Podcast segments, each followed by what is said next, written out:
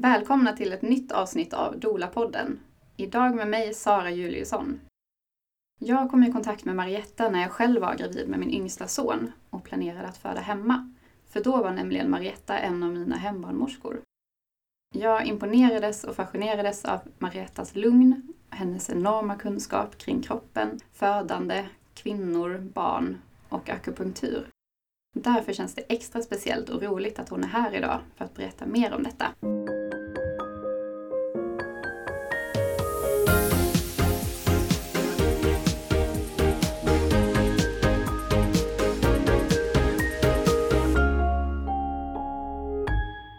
Välkommen hit, Marietta Tunström. Berätta lite om vem du är och vad du sysslar med. Tack så mycket eh, och hej alla. Jag är en barnmorska och akupunktör. Så jag arbetar mest med akupunktur just för tillfället och hemförlossningar.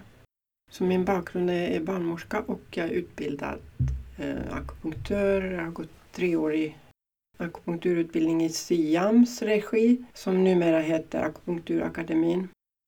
Sen har jag varit i Kina några gånger. På Sri Lanka har jag gått en utbildning och den senaste utbildningen i förra året var i Japan. Eh, och där fick jag lära mig mer om eh, öronakupunktur och japansk akupunktur. Jätteintressant. Så det är jag. Spännande. Vad, hur länge har du eh, jobbat inom det här? Eh, jag har jobbat med akupunktur sedan eh, början på 90-talet. Och eh, jag blev intresserad för jag såg att den hade en jättebra smärtlindrande effekt under förlossningen. Så då väcktes mitt intresse och sen har jag utbildat mig. Man kan aldrig bli fullärd. Det är vad jag tror när det gäller akupunktur. Mm. Så att, um, mm. Du nämnde också att du är utbildad inom KBT. Ja, och jag tycker att uh, det hjälper mig i samtalet med patienten. Eh, dels som barnmorska för de som är förlossningsrädda och eh, även akupunkturpatienter har en hel del i bagaget så vi behöver prata om. För att I kinesisk medicin tittar man på helheten.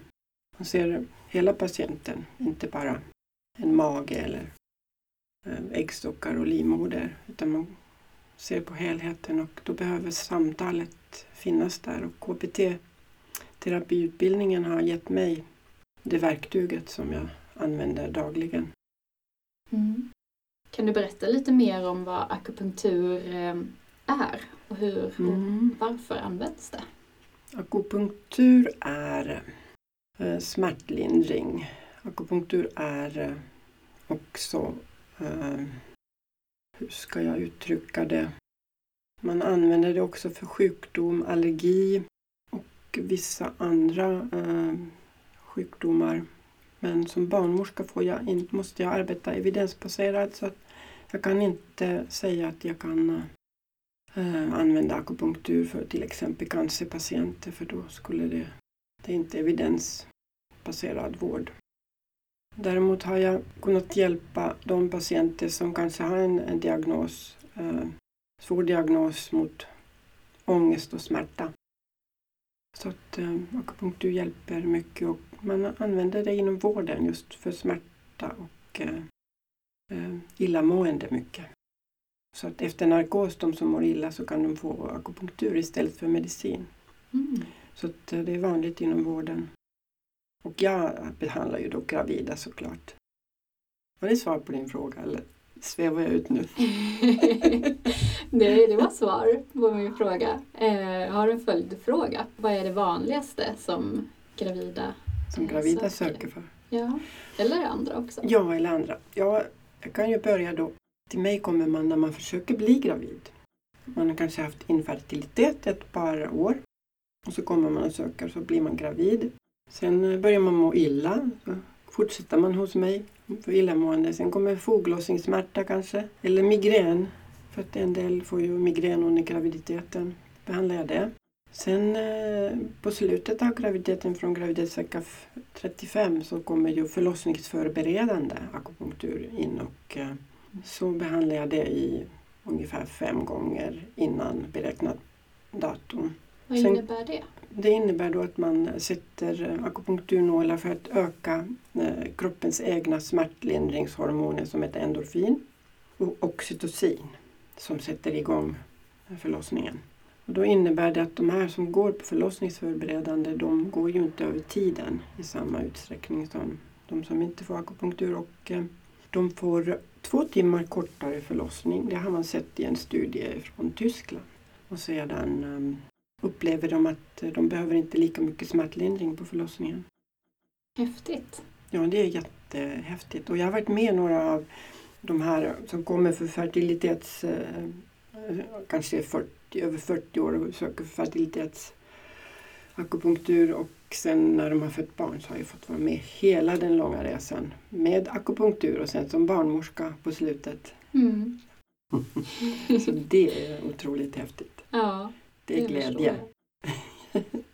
mm. Men eh, det är just av den anledningen att eh, det finns inte på alla förlossningsenheter eh, akupunktur att erbjuda. Så av den anledningen så kan de ju boka en barnmorska som ger akupunktur också. Mm. Det finns inte på alla. Nej, inte längre. För det var vanligare i slutet på 90-talet. För då åkte ju barnmorskor från SÖS. Vi gick ju akupunkturutbildning där. Jag jobbade ju på ABC då. Det som lades ner och sen blev Södra BB. Men från ABC åkte vi till Kina faktiskt. På akupunkturkurs. På en tio dagar någonting.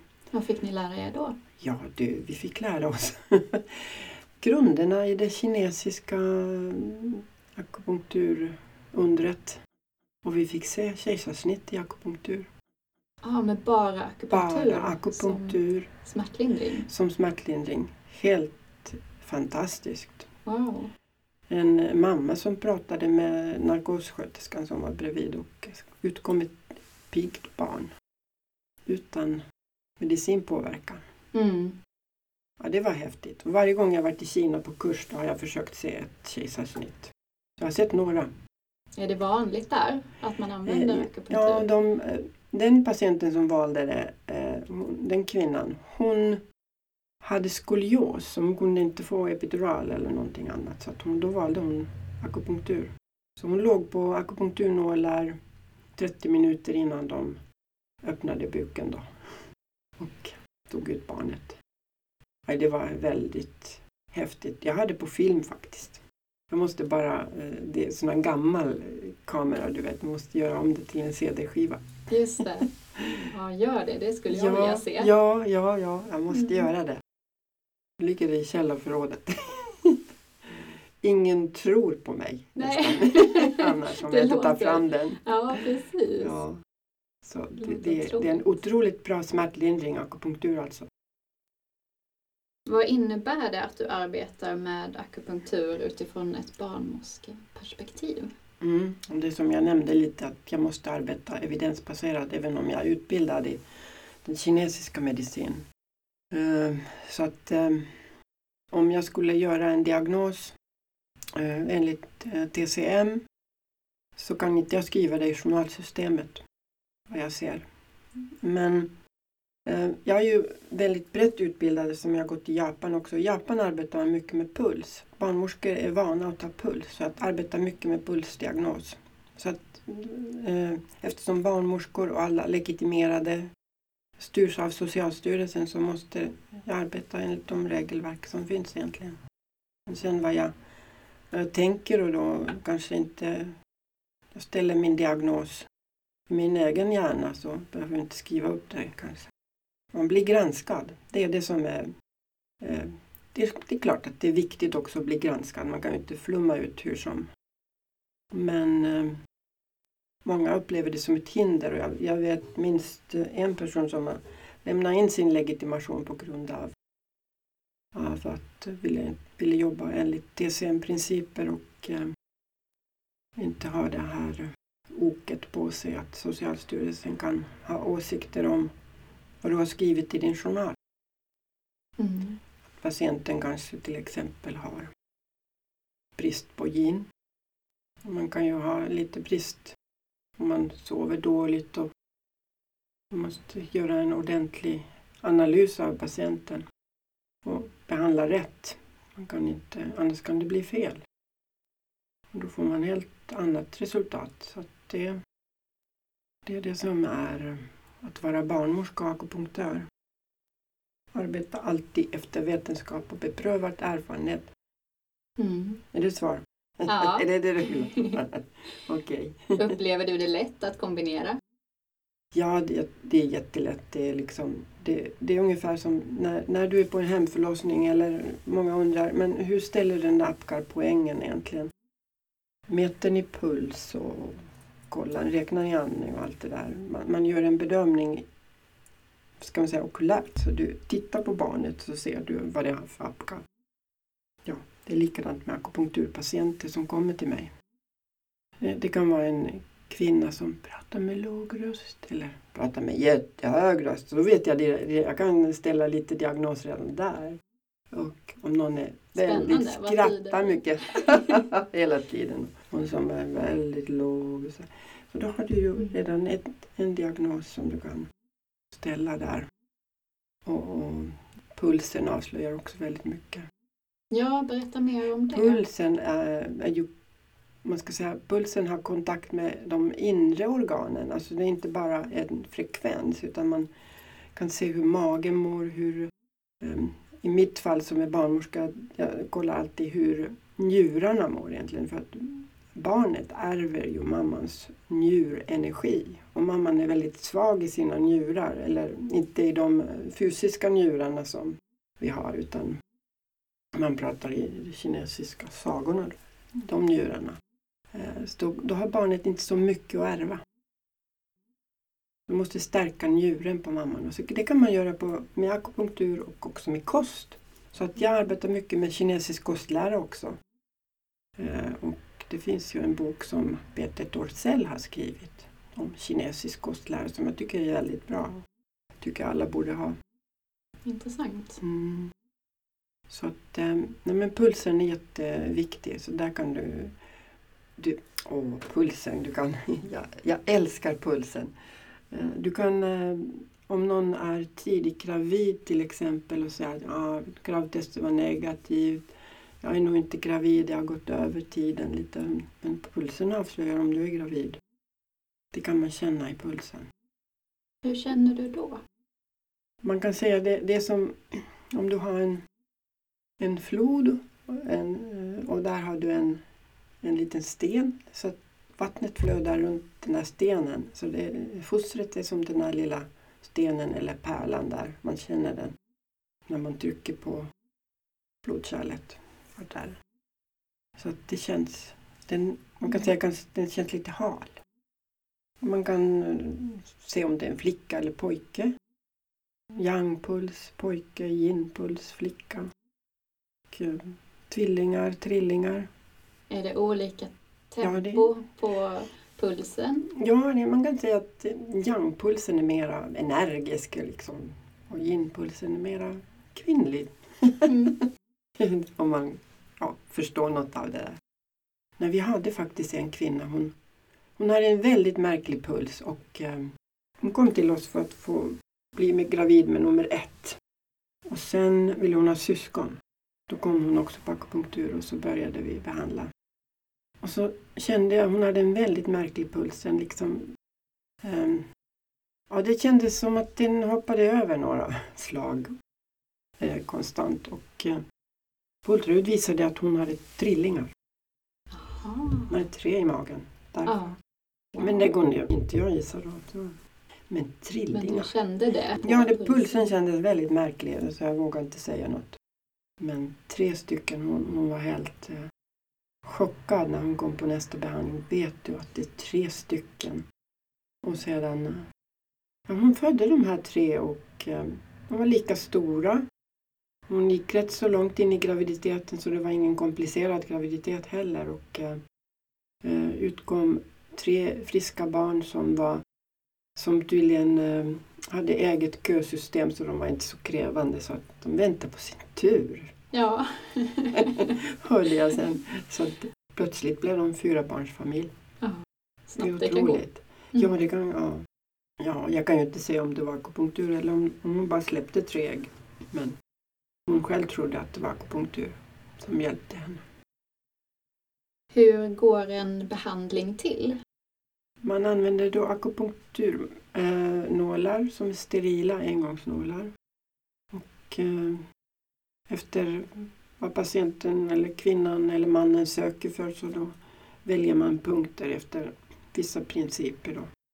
Och eh, sticker in, man rengör punkten och så sticker man in nålen, inte så djupt faktiskt.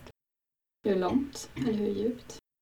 Är det en foglossning och man har fogsmärta bak på ryggen så, så sticker man ju in i muskeln där bak på eh, ländryggen. Och eh, då kan de gå in en, en två centimeter beroende på patientens storlek. En tunn patient får, ja, det går inte så djupt. Då. Kraftigare patient och använder man lite djupare stick. Sen ligger man 30 minuter på nålar. Och eh, ofta sätter jag också en värme en så kallad moxalampa. I Kina använder man mycket moxalampa för att om man skulle moxa-behandla, som är också en kinesisk behandling, det är man eldar gråbo, eh, gråbostavar eller cigarrer på en, vissa punkter som man värmer. Till exempel om man har en foglossningssmärta bak så måste man ju använda både värme för att mjuka upp musklerna och öka cirkulationen där på stället. Så då använde jag Moxa-lampa som jag släpade från Kina. Nu kommer de att köpa faktiskt här hemma också. Men ja, första lampan köpte jag där i Kina. Tog med. Så att det är jättebra att använda värme. Men Moxa använder jag inte för att det är så många som är allergiska mot gråbo just. Är det en speciell typ av lampa? Ja, den är speciell. Den, den har, den, det är inte som infravärme eller någonting sånt. Det är en, eh, en mineralplatta på den som man påstår kommer från en gruva i Kina. Eh, och man tyckte att eh, i den gruvan männen arbetade långt ner i fuktig miljö. Det var kallt och mörkt och de blev aldrig sjuka i sina leder som andra gruvarbetare. Då började man titta på mineralerna i den där och så börjar man tillverka. Det är ju så det går till i Kina. Plötsligt hittar de på någonting och så använder de i sin, eh, den kinesiska medicinen. Men det var ju jättebra. så att den lampan säger många att den skulle de vilja ha med hem för att den, den ger så bra effekt. Och stärker nålarnas eh, effekt såklart. Då. Så att, eh, behandling det är med nålar, ibland är det med elakupunktur om det är till exempel en, eh, om vi nu pratar om en icke-gravid, en kvinna som har eh, polycystiska ovarier och har svårt att bli gravid. Alltså, då, då släpper man inte äggen. Alltså man har många äggblåsor i sina mm, äggstockar eh, men man släpper inte ut dem. Så att då kan man använda elakupunktur på magen. Man sätter ju nålarna då på magen och sen börjar de få ägglossning regelbundet. Kopplar man då el till Ja, då kopplar man el till nålarna. Just det. Och då 30 minuter på. Det, det, är inte jobbig behandling, det är rätt så behaglig behandling. Det gör inte ont. Akupunktur ska inte göra ont. Då får man ingen effekt. Så att eh, många tror att om det inte känns då gör den ingen effekt, men det är inte så. Utan I Kina har jag fått lära mig att om akupunktur gör ont då är man dålig behandlare. Då har man satt nålarna Ja, jag har satt dem fel. Mm. Så jag är rätt så noga med att fråga om det gör ont efter jag har satt alla mina nålar. De kan initialt göra ont när man sticker in genom huden. För hudnerven kan ju vara lite olika känslig vissa dagar. Och vi, speciellt vi kvinnor som har hormoner i kroppen så före mens, efter ägglossning, före ägglossning kan det kännas ibland mer än andra gånger. Men det ska aldrig göra ont. För då får man, vad då för effekt? Vet du det? Nocebo. Okay. Motsatt till placebo. Och placebo betyder ju behaga. Så placebo är jättebra. Och många säger att men akupunktur har ju bara placeboeffekt. Men vad bra då, i så fall. Mm. För migrän till exempel, det kan ju inte, om man behandlar en migränpatient, en gravid med migränanfall nästan en gång, ett par gånger i veckan och så blir den fri från första behandling. Så jättebra placeboeffekt i så fall. Ja, fantastiskt. så ja, Man kan göra mycket. Det är jättekul. Så därför jag tror inte jag kommer sluta jobba. På många år än. Ja, vad härligt. Ja, det är härligt. Mm. Och alla kolikbebisar. Och idag ska jag träffa en kolikbebis efter vi har varit färdiga här. På första behandling för att kolik gör ju jätteont. Men det kanske vi inte ska prata om. Jo, jättegärna. Jaha. Berätta. Ja, kolik är ett antal, ska jag säga, 10 000 barn per år kan ju drabbas av kolik. Och det startar ofta vid en till två veckors ålder.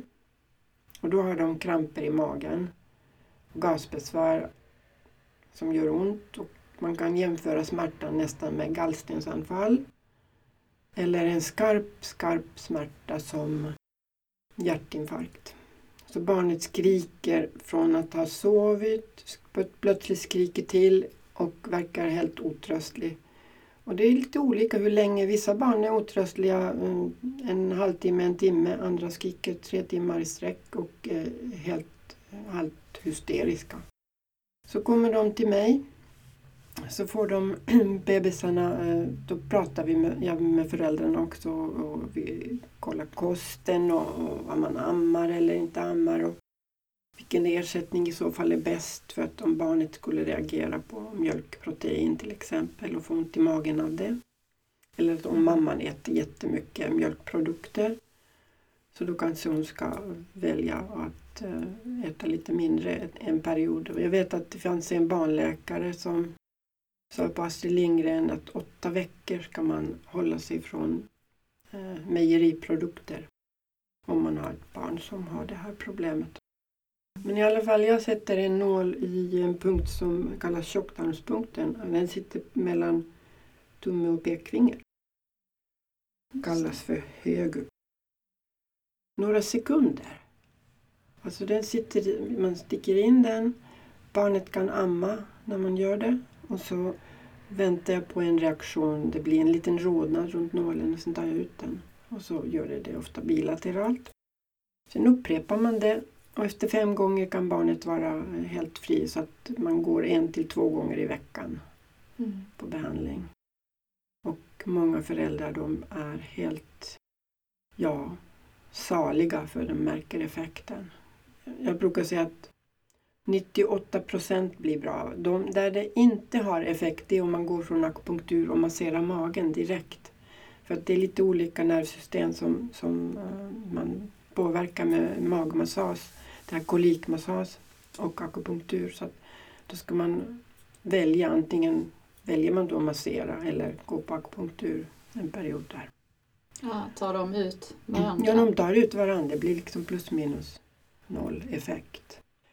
Och eh, barn med jättesvår reflux, de kan inte heller få hjälp mot refluxen med akupunktur, men mot gasbesvären hjälper det. Vad som händer med barnet är att barnet börjar rapa lättare och eh, släppa ut gaserna lättare. Det behöver inte stå och trycka och krysta som många föräldrar säger att deras barn krystar hela nätterna. De kan inte sova. Barnet skriker kanske inte men krystar och hela natten. Och det var en pappa som sa att det låter som en liten gris i sängen. men Ja, akupunktur hjälper så att då börjar de prutta själv och de lägger stora serier med eh, pruttar och utan kramp och skrik.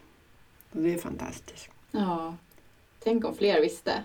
Ja, nej, jag fattar inte. BVC borde ju informera. De borde ju faktiskt behandla det själv där på BVC för att jag tycker inte om att ta, behöva ta betalt för det.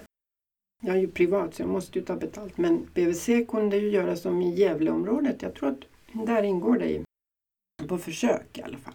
Mm. I, I, deras BVC och även i, var det i Borås? Någonstans i Göteborgstrakten. Mm.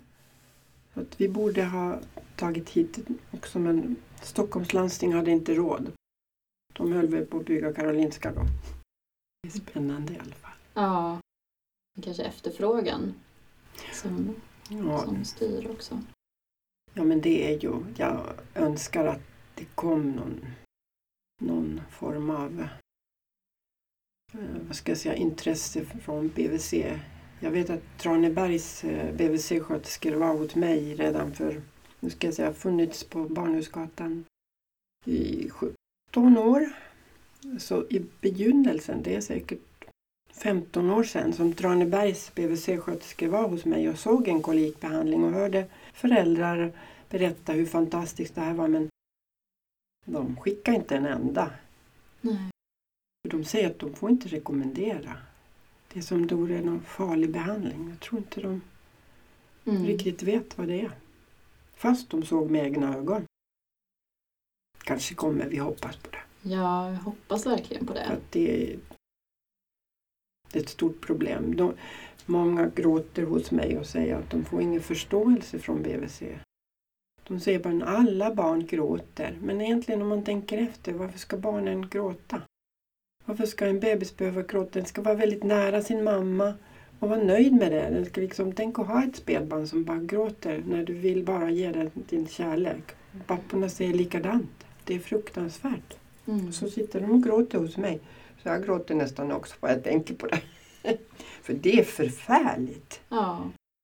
Och när det finns hjälp att få. Ja, när det finns hjälp att få. Ja, verkligen. Ja. Men eh, vi är lite, eh, vad ska man säga, efter i det här. För jag vet att Norge och Danmark eh, ger väl den här behandlingen och även England på sin BVC. Och i början hade jag föräldrar som hade åkt till London för att få behandling. Mm. Då fanns det inte en enda i Stockholm som behandlade. Jag började 03 på min mottagning. Nu hade jag ju behandlat innan också. På, på min andra mottagning när jag startade 96. Mm. Men ja. Har du en, speciell utbildning för barn eller ingår det i samma? Ja, just det. Jag har, eh, jag har ju gått kurserna på Karolinska institutet. Och 10 poäng sjukdom, 10 poäng smärta. Och där sa kursledaren att vad ni ska göra att behandla kolik. Så jag kände mig att ja, det ska jag göra. Mm. Ja, då har jag en. Och när man är barnmorska så han- hanterar man ju bebisar. Man är van att ta prover också. Mm. Men jag har annars inte hört att det finns sjukgymnaster eller andra som behandlar, eller läkare som behandlar. För det var många sjukgymnaster och läkare på den kursen. Så det var 20 år sedan. Karolinska. Nu finns det inga kurser. Inte? Nej. Det är sorgligt. Ja, verkligen. Jag kan utbilda. Jag kan ju det här. Ja, vilken bra Ja, idé. jag för, föreslår att jag, de kommer till mig i BVC, jag utbildar dem. Ja, Ja. Jag kan åka ju- runt i dem också och utbilda dem. Det är ingen, ingen fara. Bara mm. fråga mig. det ordet får vi sprida. Ja, det tycker jag. Måste tänka på barnen. Mm.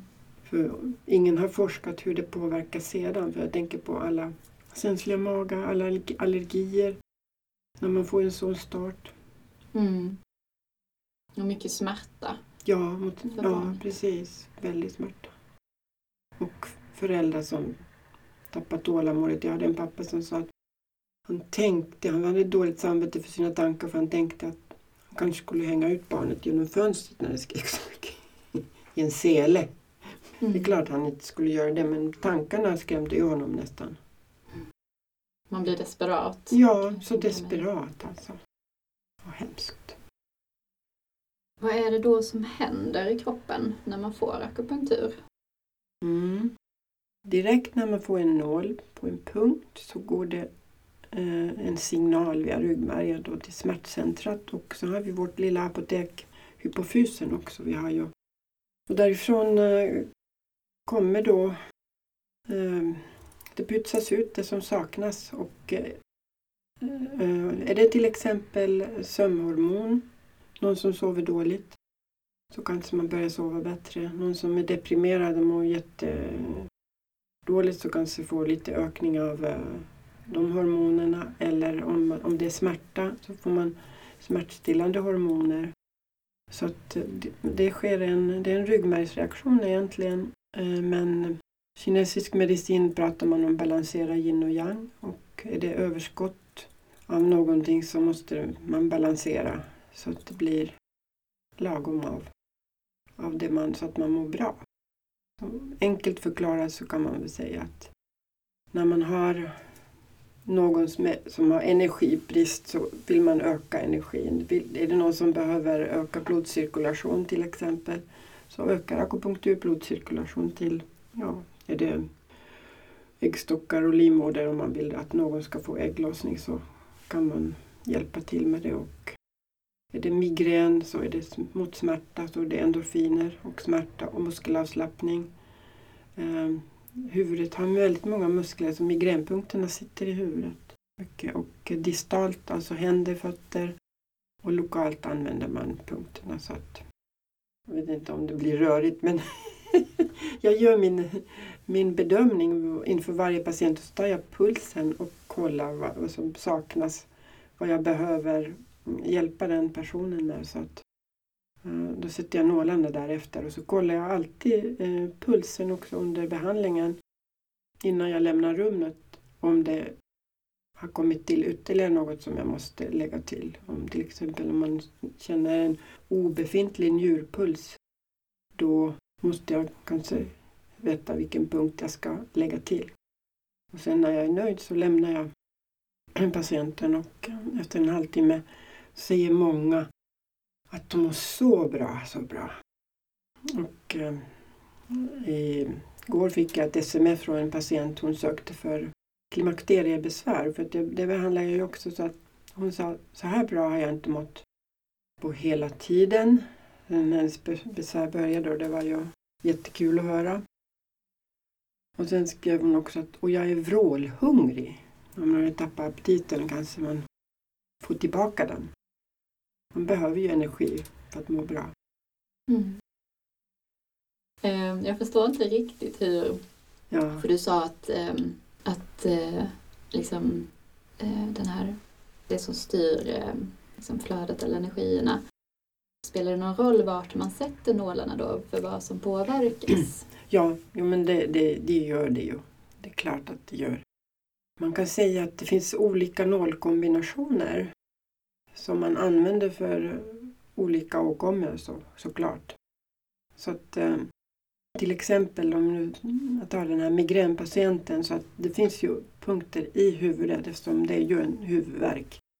Men du måste också veta om, om den här migränen kanske beror på att det är någonting som behöver justeras ska jag säga, med distala punkter. Och tänker jag främst levern är ofta involverad. Alltså den leverns energi, alltså levermeridianen som kinesisk medicin talar om. Och då sätter man en punkt på mellan stortå och eh, pektå för en, lång, en distalpunkt långt från huvudet egentligen. Och många tänker men jag har ju huvudvärk, varför sätter man en nål där? Mm. Men det är just att eh, vi kan, det kan vara eh, våra inre organ som är belästade av någonting. Det kan vara mat eller en ilsken person till exempel. I kinesisk medicin säger man att då är leverns hetta stiger upp.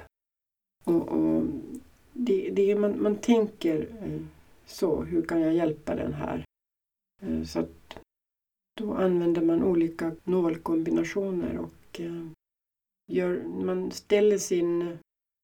Man gör en bedömning helt enkelt. Var ska jag sätta nålarna? Så använder jag ju puls också såklart.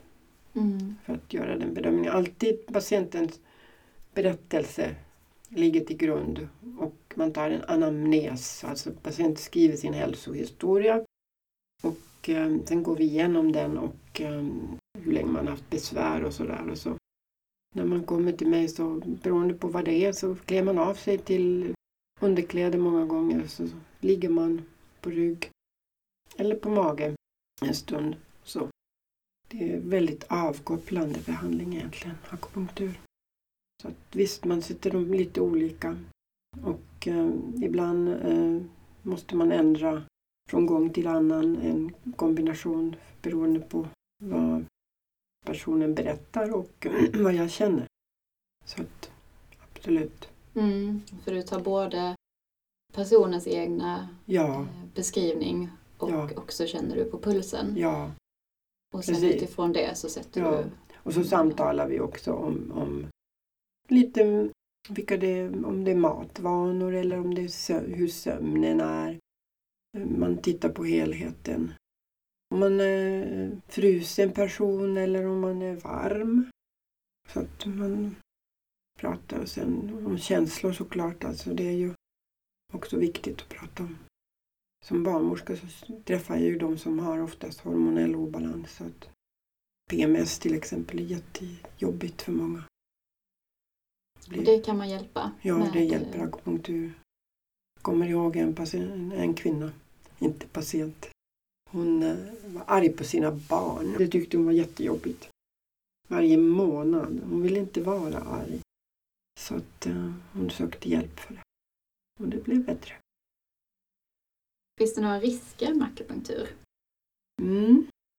Ja, vad ska jag säga om det? Det finns ju ett dödsfall nu här som är rättegång i Jönköping så det verkar ju finnas en verklig risk. Men jag undrar också vad det handlar om för att man, man pratar om en långnål som punkterar hjärtsäcken. Själv använder jag aldrig, aldrig långa nålar i den regionen överhuvudtaget. Jag förstår inte hur man kan penetrera hjärtsäcken. Men å andra sidan har jag ju sett i Kina, alltså kinesiska läkare, eh, på den kliniken jag gjorde praktik, eh, såg jag hur de punkterade hjärtat på en patient faktiskt. På riktigt. Eh, och patienten, vi, vi tittade på nålen och jag, jag lovar den var lång. Jag kom för herpessmärta, herpesoster smärta på vänster sida och doktorn, professorn där, trädde in den här långa nålen från sidan vid revbenen och skaftet stod ut eh, en bit så vi såg hur den pulserade i, i, i samma takt som hjärtat. Så vi tittade på varandra och tänkte att vad är det här? Hur sitter den där nålen egentligen? Patienten mådde ju bra så länge nålen satt där men när de drog ut nålen blev han kallsvettig rätt så snabbt och fick köras till intensiven. Jag vet inte alls hur det gick för det var vår sista dag på kliniken men hoppas han överlevde. Han var i alla fall på sjukhus. Men eh, det, det fallet Jönköping känner jag inte till något mer. Vi får väl se vad det var. Däremot så eh, punkterade lungor har det också varit någon, någon akupunktör som har åstadkommit och det är ju samma sak där. Att man inte ska använda långa nålar. Man ska veta sin anatomi. Så att man kan inte gå till en akupunktör som kanske inte har de anatomiska kunskaperna var allting sitter. Jag fick lära mig, för, allra första akupunkturkursen fick jag lära mig av en kines. Han beskrev att bröstkorgen och neråt, tänk både fram och bak, tänk det som en pappersark. Om du penetrerar den så är du farligt nära dem måste liksom tänka ytligt. Och det var en klok kines. Mm. Eh, och sen eh, berättade han vidare om på magen, det är som havet. Där kan du sticka lite djupare. Och där måste man också tänka på, det är en väldigt tunn person, kan inte sticka så djupt. Så man måste hela tiden använda sitt förstånd. Så jag skulle säga att akupunktur är farligt om du går till någon som du inte känner riktigt förtroende för. Så man ska, och andra faror, vad kan det vara om man skulle använda osterila nålar? Men det får man inte göra i Sverige. Det är liksom, I Kina använder de ju dem steriliserar nålarna efter varje patient så att de efter några gånger sterilisering blir de lite trubbiga dessutom. Det låter som det kan göra ont. ja, ja, det är lite mer ont då. Jag vet på Sri Lanka, jag hade med mig egna nålar då för jag visste, vi jobbade på en klinik där dit patienterna kom lång väga från bushen. Och eh, vi var några eh, svenskar där men jag hade egna nålar. Där fick eh, alla som kom och sökte akupunktur köpa några nålar som de kokade hemma själv. Och sen kom de med den där lilla burken och så fick vi sticka. Och efter ett litet tag så var de ju både krokiga och trubbiga så att um, då gav vi våra egna nålar till patienterna där. Men inga skador. Svimningar kan ju förekomma men det, det, är, det har jag inte heller haft. Men där på Sri Lanka var det någon som svimmade av efter en nål.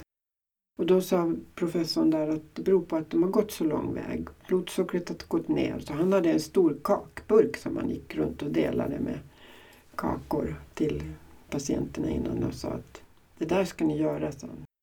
Mm. Har du något sånt knep? Jo, jag har, jag har kakor ifall det skulle vara till och med frukt på mottagningen. Om någon kommer sådär runt halv sex, sex till mig och inte har ätit sen lunch vid tolv, då brukar jag vilja att de äter någonting innan. Blodsockret går ju ner av akupunktur, det ska man veta. Så det är bra att ha mellanmål innan. Mm. Du arbetar också som eh, hembarnmorska. Mm. Nu har du nämnt lite kring det, men du använder också akupunktur under förlossningar. Det gör jag och eh, det är som smärtlindrande och eh, ska jag säga, panikhindrande behandling. Men jag måste säga att det är inte så ofta jag behöver använda det. Vi använder mer akupressur. Men det finns en punkt på huvudet som kallas eh, Bai Hui GV20 och den är mot panik. Och den kan man lätt ha där på huvudet utan att den stör. Mm. Mitt uppe på... Mitt uppe på huvudet, mellan, rakt från öron, en punkt.